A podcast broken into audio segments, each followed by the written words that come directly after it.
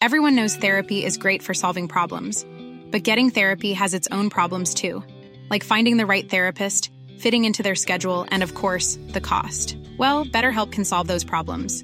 It's totally online and built around your schedule. It's surprisingly affordable too. Connect with a credentialed therapist by phone, video, or online chat, all from the comfort of your home. Visit betterhelp.com to learn more and save 10% on your first month. That's BetterHelp H E L P. One size fits all seems like a good idea for clothes until you try them on. Same goes for healthcare. That's why United Healthcare offers flexible, budget friendly coverage for medical, vision, dental, and more. Learn more at uh1.com. Podplay.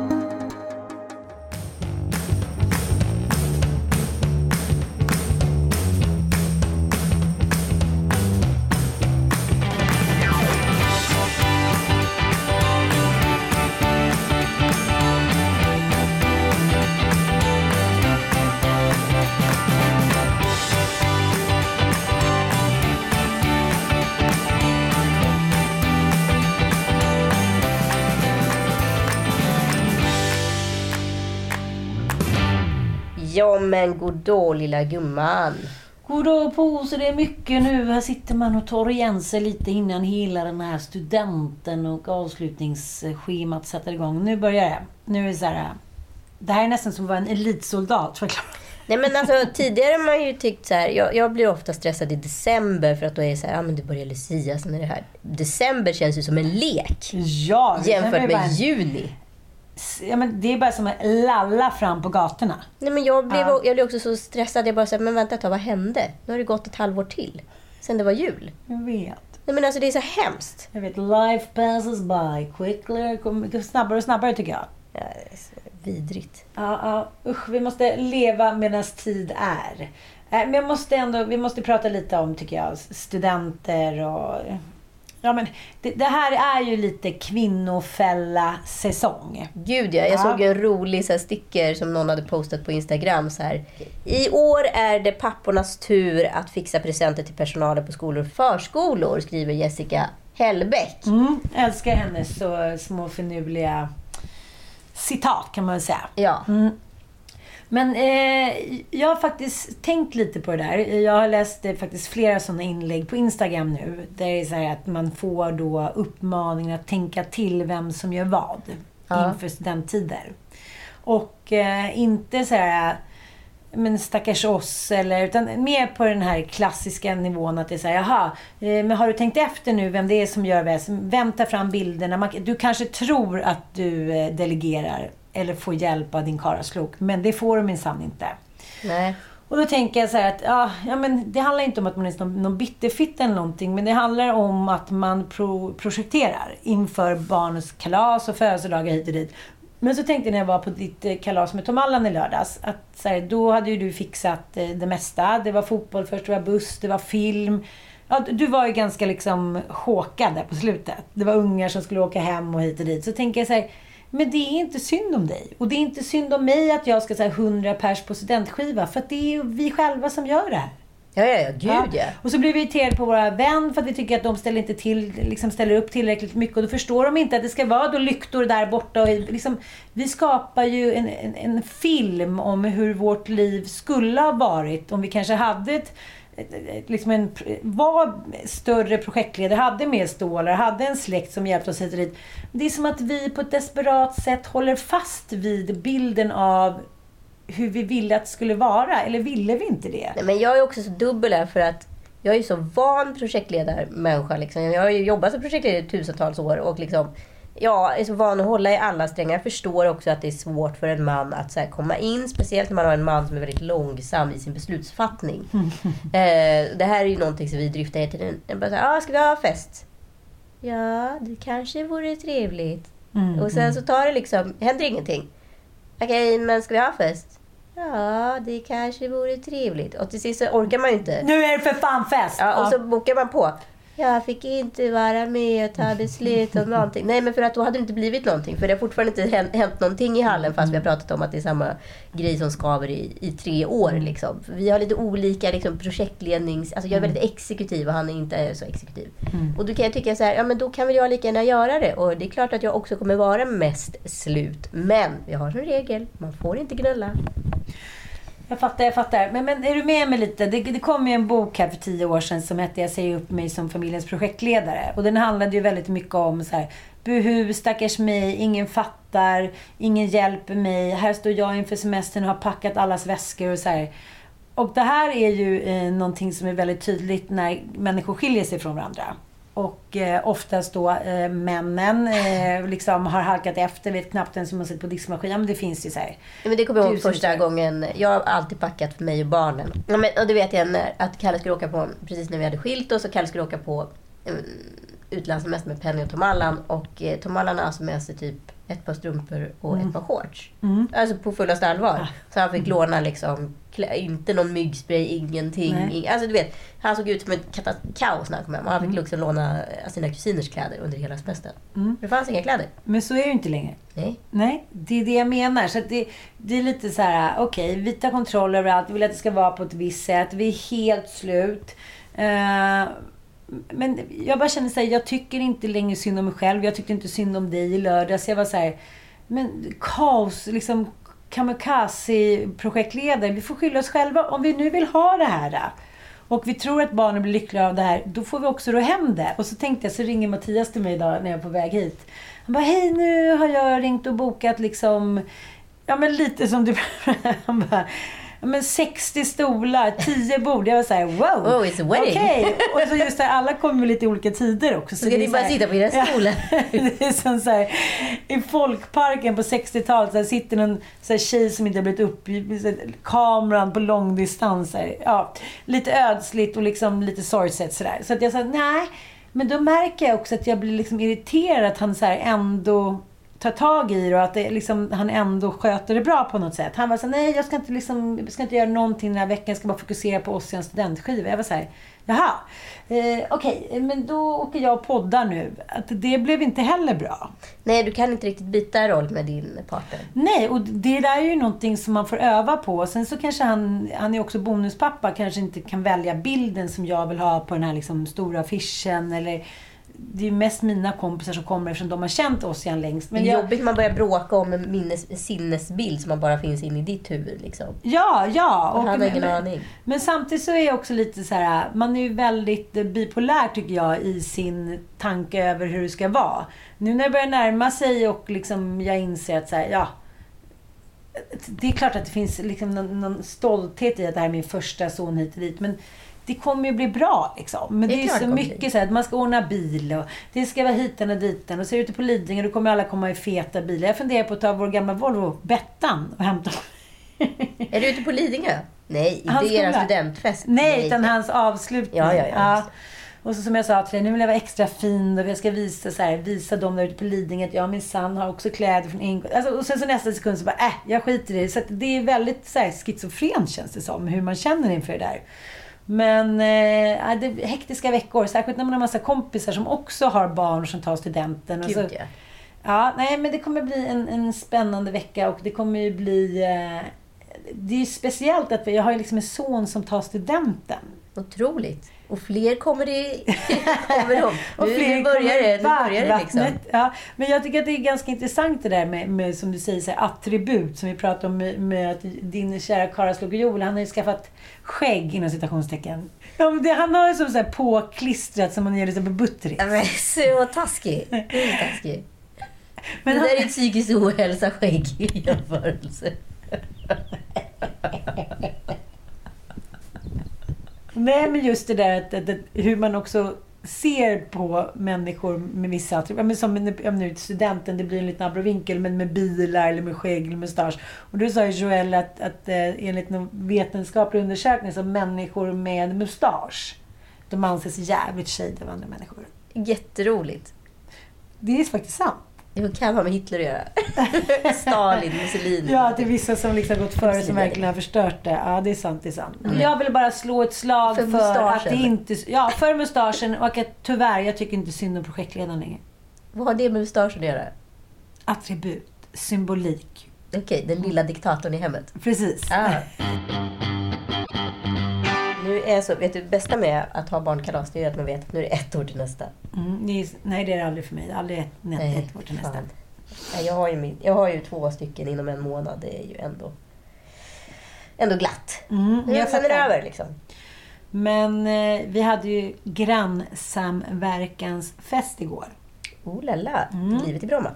Livet i Bromma, så trevligt. Men vi bor ju liksom i sossedelen av Bromma där vissa hyr och sen människor, det ligger precis vid tunnelbanan så det köptes billigt för 20 år sedan. Så, så det var inte överklassen om man säger så. Det var Det är inte, inte, det inte, grädd, fancy det är inte gräddhyllan. Nej, det är inte gräddhyllan. Men då träffade, min granne är från Filippinerna. Ja. Kvinnan i familjen och eh, hon har två döttrar som då har liksom vuxit upp på internationella skolor i Filippinerna. ja. Och där så kan man ju inte gå ut själv som tjej. Då blir man ju kittig. Eh, Ja. Ja, men det- är ju en helt annan religion där. Så de blir hämtade i skolan eh, och lämnade i skolan och sen får de inte gå ut själva. Och nu har ju de flyttat till Bromma. Hur känns det då? Ja, det, han är väldigt gullig. Så här, pappan är ju dansk och han säger så här, du vet ju hur vårt släkt är, apropå danskar. Eh, ja, men vi är uppvuxna liksom, ja men, bröligt, så här, freedom. Typ. Kände sig Mattias som att han hade en frizon där hemma? Jag försöker kalla honom för Bremen hela tiden. Och eh, hans fru då är uppvuxen så här, väldigt fattigt eh, i, eh, i, på Filippinerna. Manila eller? Nej, nej, utan eh, ja, men, Ja, liksom, whatever. däromkring. Men det var väldigt intressant hur de jobbade med att ge sina döttrar mer frihet. Mm. Och dagen innan hade deras 16-åriga dotter då fått sova över hos en kompis för första gången.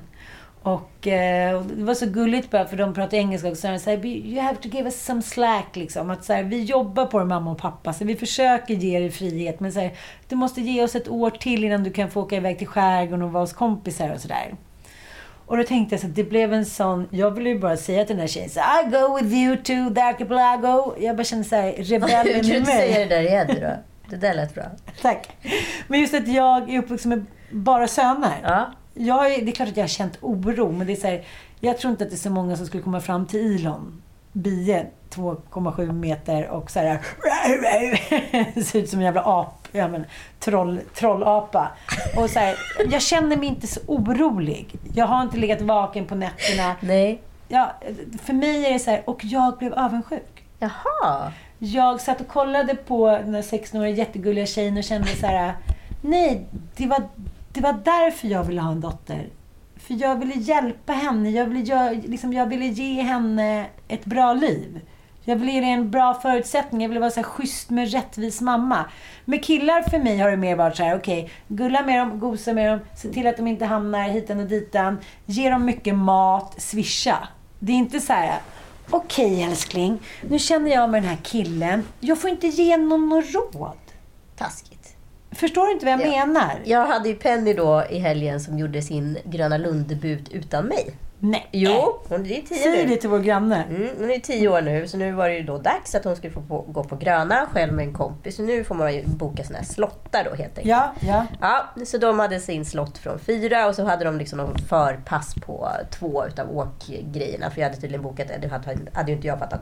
Eh, nej men och det här var ju en stor grej. Sen så swishade jag då 200 kronor innan som skulle ha liksom, till lite spel och sådär. Eh, hennes kompis skulle stå för maten, eh, var uppgjort sen innan och sen så då ber Penny mig om en swish till på 100 kronor och då swishar jag det. Sen ringer hon då och storgråter. Då har vi ju gameat borta allt på spel och dobbel. Alltså nu pratar vi alltså så här och så försökte jag prata med henne lite så här moralisk kompass. Så här, efter hon kom hem. Hon bara, men jag har ju 280 kronor i månadspeng, den får jag väl ändå? Jag bara, men Penny, då har jag alltså gjort av med 500 kronor nu sen i fredags. För hon har ju fått 200 kronor då under några dagar. Innan. Det betyder att du har alltså gjort av med hela din månadspeng och en månadspeng till. Och så vill du ändå ha en månadspeng. månadspeng. Det är så taskigt. Det är så taskigt. Så jag, så här, jag tänker ändå så här, jag försöker bara liksom avväpna det lite i din så här, längtan efter att få sitta och prata Jag om fattar, gulliga kärleksproblem. Ja. Med de gulliga kärleksproblemen som också absolut finns, så finns det jävligt mycket alltså spårade, förnedrande kvinnokänslor. Penny har också ett sätt, när hon blir irriterad på mig, att så här, göra mig skyldig till allt ont Ja. i hennes liv. Den här skuldbeläggningen upplever jag inte alls är lika dramatisk när min son då eh, Nej. känner sig oförrättad, eller förorättad på något sätt. Jaha, du menar att så här, om man ska säga summan av liksom, Alltså, om du hade haft en filippinsk dotter som hade varit jävligt så här, gullig och tuktad så hade det säkert varit fantastiskt att prata att- men de men de, men de här kaxiga små liksom, lillskitsgenerationen är liksom little, little bitches. Ja, för att prata om en annan dotter. En liten konstig brygga här kanske, men ändå. Eh, ska vi prata om Linda Skugges återkomst, tillika Per Sinding Larsens återkomst i de ungas salonger. Eh, de här gamla... Ja, per Sinding kanske aldrig har varit riktigt en rebell, men det får vi väl ändå ge Linda Skugge eh, cred för att ha varit. Eh, ja, Alltid ja, sen ja. Expressen Fredag och framåt. Och nu när jag läser den här Kent-boken som jag pratat om tidigare så nämns ju både hennes namn och Per Sinding där ganska ofta. Eh, och jag tänker verkligen på den här retrogenerationens återkomst. Och det, finns nå det som så här slår mig mellan raderna i den här boken är också att det fanns också en så stark korrelation mellan musikscenen, litteraturen, standup-scenen och journalistiken på ett sätt som jag inte upplever idag. Idag är det väldigt mycket mer vattentäta skott. Äh, Varje falang har sin grej. Men då kunde ju liksom Peter Wahlbeck öppna för Kent. På ja, eh, liksom ja. lilla scenen på... Och där i publiken stod liksom Linda Skugge och i publiken stod hon och snackade med liksom Per Hagman som också skrev då om Sven, som de hette, eh, bandet i en av hans böcker. Liksom. Mhm. Som var ett, liksom, en irritation på bandet Kent. Och, eh, ja, konkret hån. Men liksom, så, så här såg det ut hela tiden. Det var ett sammelsurium. Jag, vet, inte, jag kan inte säga att om det var bra eller dåligt. Men däremot så blev jag intresserad av, av vad den här retrogenerationens comeback betyder för nutidsungdomen. Fattar. Men, men eh, grejen var att de var ju mycket mer, eh, vad ska man säga, rebelliska än vad dagens ungdom är. Säg någon liksom som är rebellisk av de som syns på nätet nu. Eh, nej, nej, men alltså Nej. idag har ju, har det, finns det ju bara mönsterelever och det, ingen vet ju hur man ska göra en, rebe, eh, liksom en revolt överhuvudtaget. För det har man inte sett någon guide på på Ja, Instagram. men liksom. Det är det som öppnar upp för att de här gamla rävarna kan komma tillbaka och framstå som unga och heta och rebelliska. För att det finns ingen... Det finns ingenting där. Nästa generation, nästa generation blev aldrig någonting. Nej, och det är lite intressant för jag pratade om, tänkte det på det med skådisar exempelvis. Att så här, det hoppar ju oftast över flera generationer. Alltså efter... Ja, det, är, det är ett glapp mellan liksom Robert Redford-generationen till liksom Brad Pitt-generationen och så vidare. Och nu börjar det liksom väckas lite så här nya heta namn som man känner så här, shit, de här kommer bli stora på riktigt. Och så har det liksom varit liksom mjugg i 30 år däremellan. Och det är kanske likadant med journalister och popgrupper. Ja, definitivt. Att det går i cykler. Ja, men jag tänker också när jag såg eh, på Kärlek och anarki igen igår. Ja. I det avsnitt när de är på bokmässan då. Just det. Förlaget. Och då hon som spelar huvudpersonen. Ja men det är ju ett evigt liksom att hon ska betta om det här läppstiftet då. Alla Vita stenen som var ett barnprogram när vi var små. Där de skulle betta så här. Den som har klarat uppdraget får ha den återvända liksom graalen. Den här är ju ett läppglans. Och då går hon, då ska de bada då, hon och den här, hennes unga älskare från bokförlaget. Och då helt plötsligt så går hon upp när hon har legat i badet en stund och då har hon bara en överdel. Just det. Då går hon helt jävla självklart över liksom hela badhallen och eh, Ja men du vet, badvakten säger vad fan håller du på med? Du är en jävla bebis typ. Och hon går så här stolt och glatt och så här rebelliskt eh, med muttan i vädret.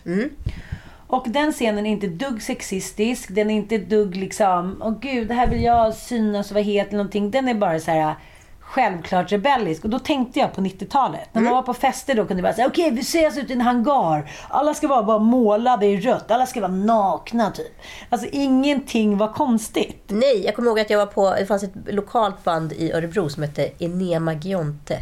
Och varje gång de spelade så skulle alla vara nakna. Jaha. Så alla, helt plötsligt, och så hade de någon så här återförening för de hade inte spelat på flera år. Och helt plötsligt, så, och jag var inte riktigt införstådd med det här, så helt plötsligt tog alla män av sig kläderna. Och så stod det liksom hundra nakna män runt omkring och man var så här, oj oj. Ja, dingelfest. Dingeltångfest. jag kommer ihåg att det var så jävla sinnessjukt och härligt på samma gång. Liksom. Välkommen på dingelidongfest, det avdramatiserar vi alltid. Men jag kommer ihåg att jag bara för några år sedan var inne i, eller ja, åtta år kanske, var i Visby och då skulle Nisse, min kompis eh, Hallberg, spela. Och så precis bara, sitt, när jag kommer ner sitter alla fyra i bandet nakna. Äh, lite packade liksom, nu kör vi, fick lite feeling. så jävla härligt. Men jag tänker att det, hela Kärlek anarki, den serien som är skriven av eh, Lisa Langset som jag tycker är underbar. Och det känns lite privat, så jag premierade lite. Jag tycker att eh, hennes... Eh, det känns så jävla uppfriskande, hela manuset. Men pratar vi om en serie som hade premiär förra året och Ja. nu du igen? Och Nej. ny, ska vi inte ta Vikings när vi ändå är på gång? Jo, men det jag menar är bara så att det är ju... Hon är ju uttråkad, hon som huvudpersonen. Ja. Det är därför hon gör det här. Är det inte så att så här, vi är uttråkade efter corona, efter att allting är så här. Hej! Jag är en Instagram-kändis. Kolla! Ja, men som... Ja. Ja, men vadå? Idag gör du ett så här jävligt organiserat uppror på sociala medier. That's it. Du, du kommer inte dricka klorin och fatta att det inte är bra. För du har redan Nej. läst innehållsetiketten Nej. och du kan också, också läst alla myter runt klorin. Snubbar som till exempel komikern och konstnären Peter Wahlbeck, de är liksom utrensade för de är inte tillräckligt mycket business. Nej, men de är inte heller tillräckligt mycket woke för du kan inte skämta om allt idag på Nej, samma och sätt. de tycker att här, i, i konstnärsfrihetens namn så ska man fortfarande göra det. Och det är Ja. det som hände med Linda Skugge och hennes recension. Hon tycker så här, jag tyckte den här boken var skit. Jag säger det. Och det får man ju inte göra längre. Mm. Nej, Det för du kan man ju inte skilja på sak och person. Och idag ska det ju röra samman. För det är liksom hela grejen med hela liksom, sociala Ja. medier. Att sak och person hänger ihop. Per se så kan man uppenbarligen inte vara världens bästa popartist och pedofil. Nej, Fast det är fullt, ja, det väl det är det fullt, det är fullt rimligt. Men du förstår vad jag menar. Jag fattar. Jo, Finns det en korrelation eller inte? Alltså, vi samarbetar med Frilans Finans den här veckan och förra veckan blev jag totalgrillad. Jo, men jag tyckte det var så himla jobbigt. Jag har alltid trott att man ska spara du vet sin deklaration och allt där, redovisning i fem år. Det var sju år. Jag sprang ju hem och kollade i förrådet och hittade de där gamla rackarna till slut. Ja. Så här sitter vi och snicksnackar. Ni som inte hörde kunskapstestet så kan ju gå in och lyssna på förra veckans kunskapshaveri. Eh, ja, nu tycker jag vi går vidare och låtsas som att det inte har hänt. Men om du som lyssnar går i planer på att starta egen business eh, och precis som jag och Ann tycker att det är svårt så finns ju faktiskt frilansfinans där som ett superbra alternativ. Där du som egenanställd kan slippa starta eget företag och skaffa F-skatt. Precis. Och eh, jag menar, vilka andra viktiga delar behöver man då ha koll på som företagare? Det är så mycket mer än bara eh, deklarera moms. Det är så här försäkringar, tjänstepension. Man måste ju ha lite kunskap om det där med inkasso till exempelvis. Däremot som egenanställd då på Frilansfinans så kan man känna sig helt lugn. För allt sånt finns ju redan inom Frilansfinans och eh, det ingår ju då i i det du betalar för att få ha frilansfinans. Så så här, du kan verkligen fokusera på det du är bra på. Mm. Om jag frågar då så här, hur många procent av intäkterna bör man sätta av till tjänstepension? Vad svarar du då? Ja, några procent är väl bra. Ja, du vet inte, det är ju inte så många som vet det. Men grejen är att sådana här saker måste man ju ha koll på som egenföretagare. Men där drar alla egenanställda eh, vinstlotter på frilansfinans. För man kan vara helt lugna. De sköter det. Bra va? Jag tänker så här, den där stressen som också utgår varje gång det är nära deklaration eller momsredovisning, som faktiskt gör att många, många människor mår väldigt dåligt. Den behöver man aldrig ha. Det är så här, frilansfinans, din egen feng shui. Oj. Tack för att ni lyssnar och eh, gå in och signa upp ett konto på frilansfinans.se. Nej, men jag måste ju säga så här, det har ju varit liksom tio jävligt tråkiga år. Ja, men gud, alltså folk är så medvetna. Det är så ett jävla 70-talstrist. Alla vill bara casha in och polera. De Ja, mest exakt. kända människorna är de som är mest välpolerade. Jag behöver inte säga några namn. Därför blev jag så glad när Per Sinding fick den här Grammisen. Och jag blev också ännu lyckligare efter igår då jag såg premiären på Bo Burnhams stand-up eh, Netflix special. Han var alltså en eh, jättestor standup-artist, breakade tidigt, 25, geni, ja men verkligen prodigy liksom. Eh, breakade för 5-6 år sedan. Och sen fick han panikångestattacker på scenen så han slutade. Och eh, så han har inte mått så bra. Sen har han då släppt sin Netflix special som han har jobbat med ett år. Och den här har han liksom gjort, klippt, redigerat, ljusat, eh, redi allt, allt, allt helt själv. Ensam och skri typ, skrivit manus. Och också gjort eh, all musik. An open window, a novel, a couple holding hands, an avocado,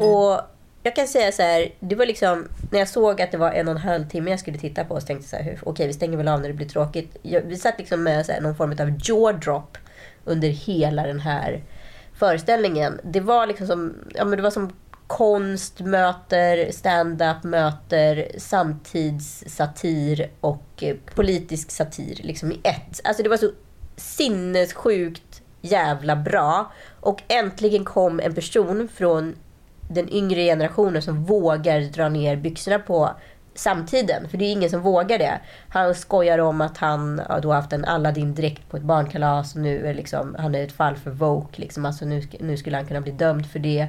Han hånar om eh, vit, vita kvinnors Instagram. Han skojar om människor som tycker att Jeff Bezos är gud snarare än en person som har...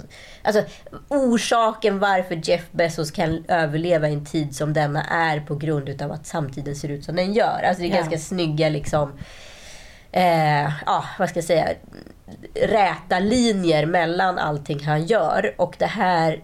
Alltså ni måste bara se det här. Jag blev så jävla glad över det här konststycket. Men det är också en odyssé tycker jag i varför förmodligen många unga mår så jävla dåligt som Ja. de gör. För han, han, eh, man ser ju hur han liksom, hans psykiska ohälsa blir bara sämre och sämre under det här året som går. Precis, tanken var att han skulle då gå tillbaka till scenen i januari 2020, men då kommer pandemin. Och där någonstans börjar han göra sin Netflix special som han har gjort då helt själv.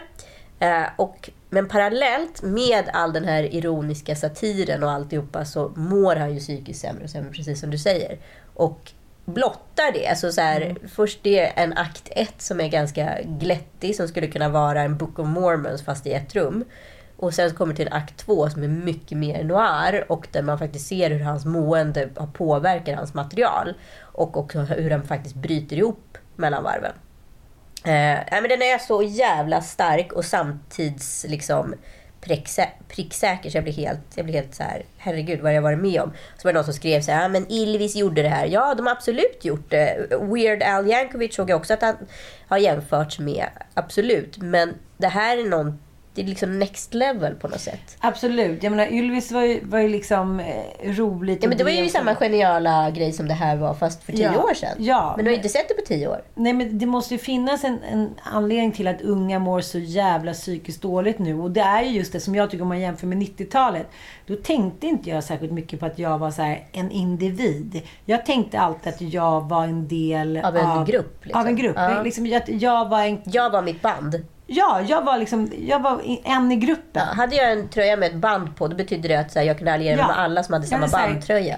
Kollektiva, liksom, ett kollektivt ansvar också på ett annat sätt. Och nu de senaste tio åren så är det så här... Och inte så farligt om jag blev så full, för alla blev så fulla. Ja, precis. Och så här, alla backade upp för varandra. Det var inte så här, "Haha, att man, man var aldrig rädd för att någon i gruppen skulle så här, hänga ut den. Nej men alltså så här, den överinformerade generationen där alla individualister bryr sig egentligen bara om sig själva. Ja, det är ju så det har blivit. Ja. Och det blir ju jävligt tomt och deppigt och eh, jävligt tråkigt till slut.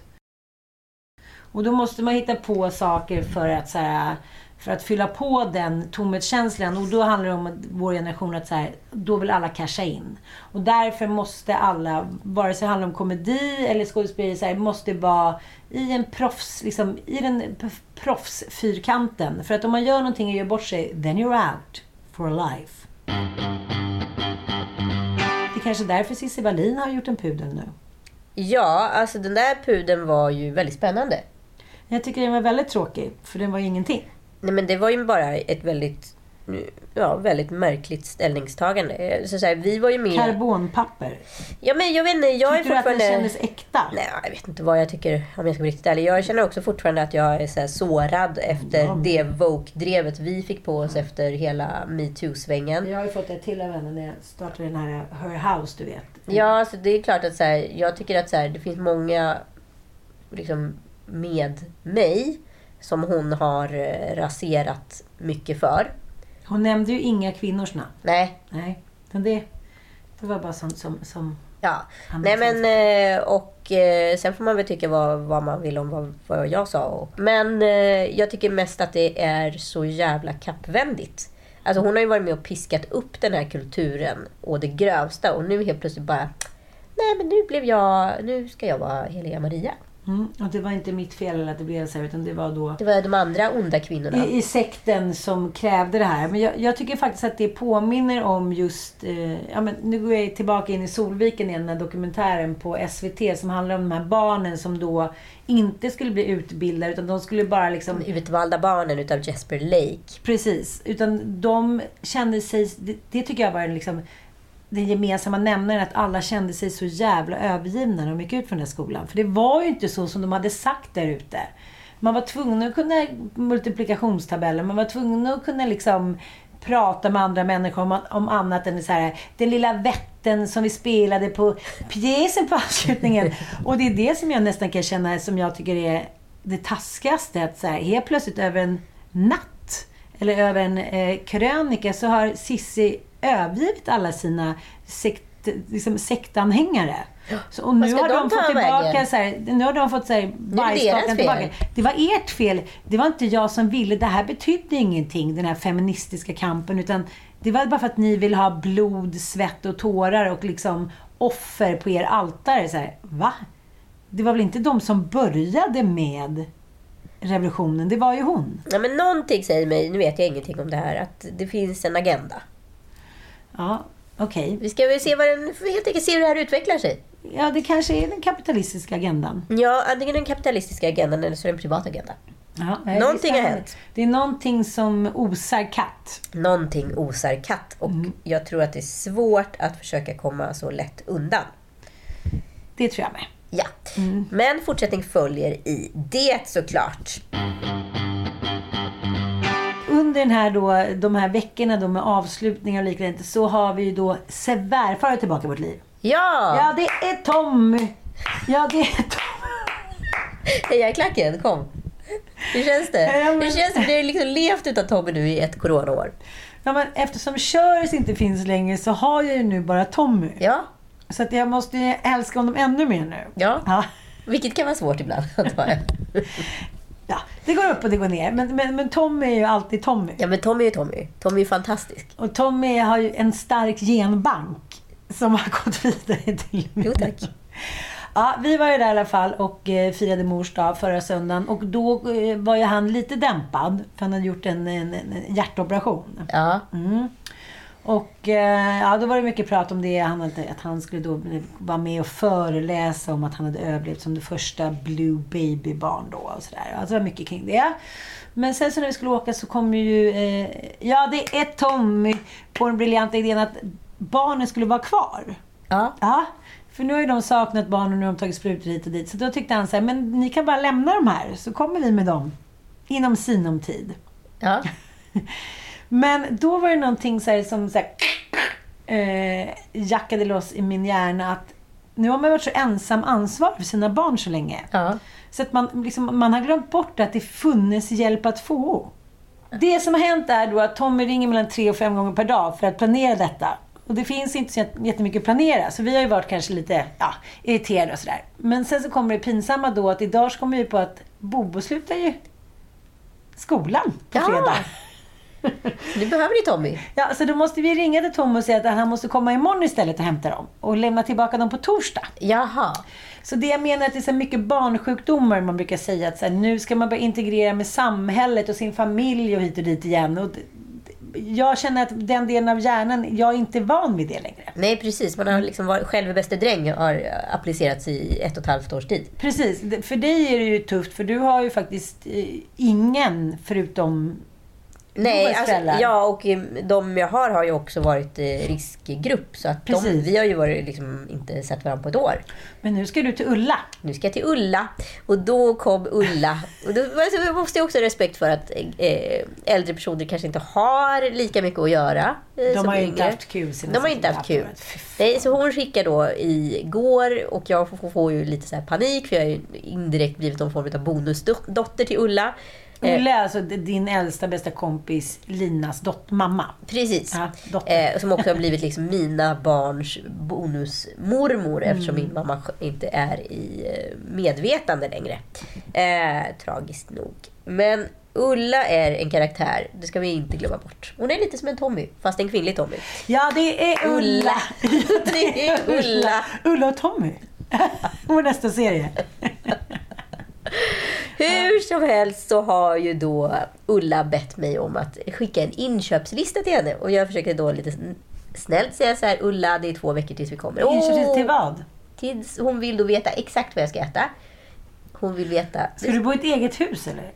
Nej, vadå? Nej, Som du ska äta? Ska inte ni äta hon tillsammans? ska då laga all mat och vill då förbereda Jaha, då detta. drottningens återkomst. Drottningen, drottningens återkomst. Oj, det är mycket, Mycket, nu, nu ska vi se här. Mycket hjärta. Eh, finaste bla bla bla. bla. Eh, kyckling, vilt eller fläskfilé. Föredrar du vitt eller rött vin? Frukost har jag för mig att du vill ha rostbröd, ost och kaffe. Och då försöker jag lite... Vilt, kyckling, fläskfilé eller fisk? Ja, för då säger jag så här, men snälla Ulla, vi kommer om två veckor. Kan vi inte pausa detta lite? Vi har en fin söndag. Mm. Jag vet, men jag går så sakta med mina kryckor. Eh, visst är det så att du inte äter fisk längre sen den där dokumentären på Netflix? jag bara, ja, och då till sist så, så här, kom jag på det. Jag kommer på tricket. Ja, vad? Jag kommer på tricket, så helt plötsligt beställer jag då eh, beställningsviner. Från. Systembolaget. Jag beställer specifika ostrar som jag vet inte finns inom eh, räckvidd i, vad, i Vadstena. Ska jag inte säga Vadstena. Mhm. Eh, och, eh, så att jag sätter henne i ett projekt. Aha, du håller henne Istället för falsariums levande. Istället för att, eh, att vad heter det, bli irriterad och säga så här, vi väntar med det här. Och sen till slut bara, ja, ja men ta vad fan som helst. Så bara sätt henne i ett projekt. Jag har satt henne i ett projekt. Det är det bästa som har hänt. Och eh, jag har även fått det be- bekräftat av hennes dotter, även tillika min väninna. Jaha, så att nu, nu har hon liksom ett projekt. Nu har hon ett projekt. Nu, och hon blev så glad för det här projektet va. Så nu är hon fullt ockuperad tills vi kommer den 18. Människan måste känna sig behövd. Så är det ju bara. Mm, måste ha ett syfte, om det så är att köpa ostar som inte finns i Vadstena med omnejd. Bota Kanske ensamheten. till Skokloster. Ja. Men Ulla har väl en man?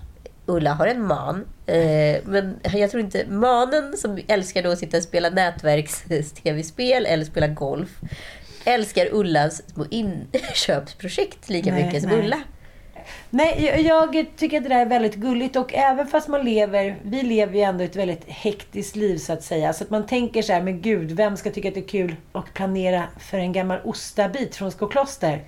Men, men, det, men det är faktiskt inte svårare än så ibland. Nej, det är inte det. Det kanske också, om vi ska knyta ihop lilla säcken, så kanske det är samma sak med den här studentskivan. Det är kanske bara att jag vill vara behövd. Ja, Mm. vi vill alla vara viktiga. Så när jag bjudit in 433 Det personer. är ungefär som mig på min sommarfest. Samma dag. Samma... Piff och puff, hela den halvan. Ja. Tack för att ni har lyssnat. Vi hörs om en vecka. Just det, och vi kommer att ha ledigt hela juli. Så passa på att lyssna på massa gamla going-avsnitt. Och vet ni, kan ni inte skicka till oss vilka som är era favoritavsnitt så kanske vi spelar upp lite små roliga klipp från dem och diskuterar dem. Ja, gud vilken rolig idé! Eller hur? Väldigt, väldigt rolig. Tack för att ni har lyssnat. För kollektivet. Puss.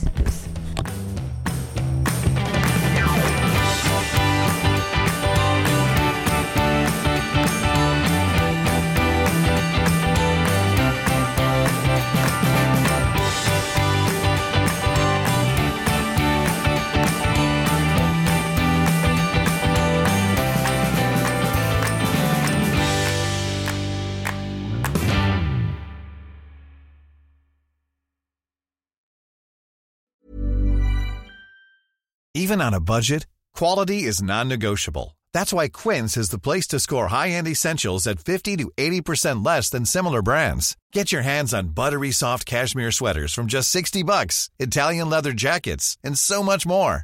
And the best part about Quince, they exclusively partner with factories committed to safe, ethical, and responsible manufacturing. Elevate your style without the elevated price tag with Quince. Go to quince.com slash upgrade for free shipping and 365-day returns.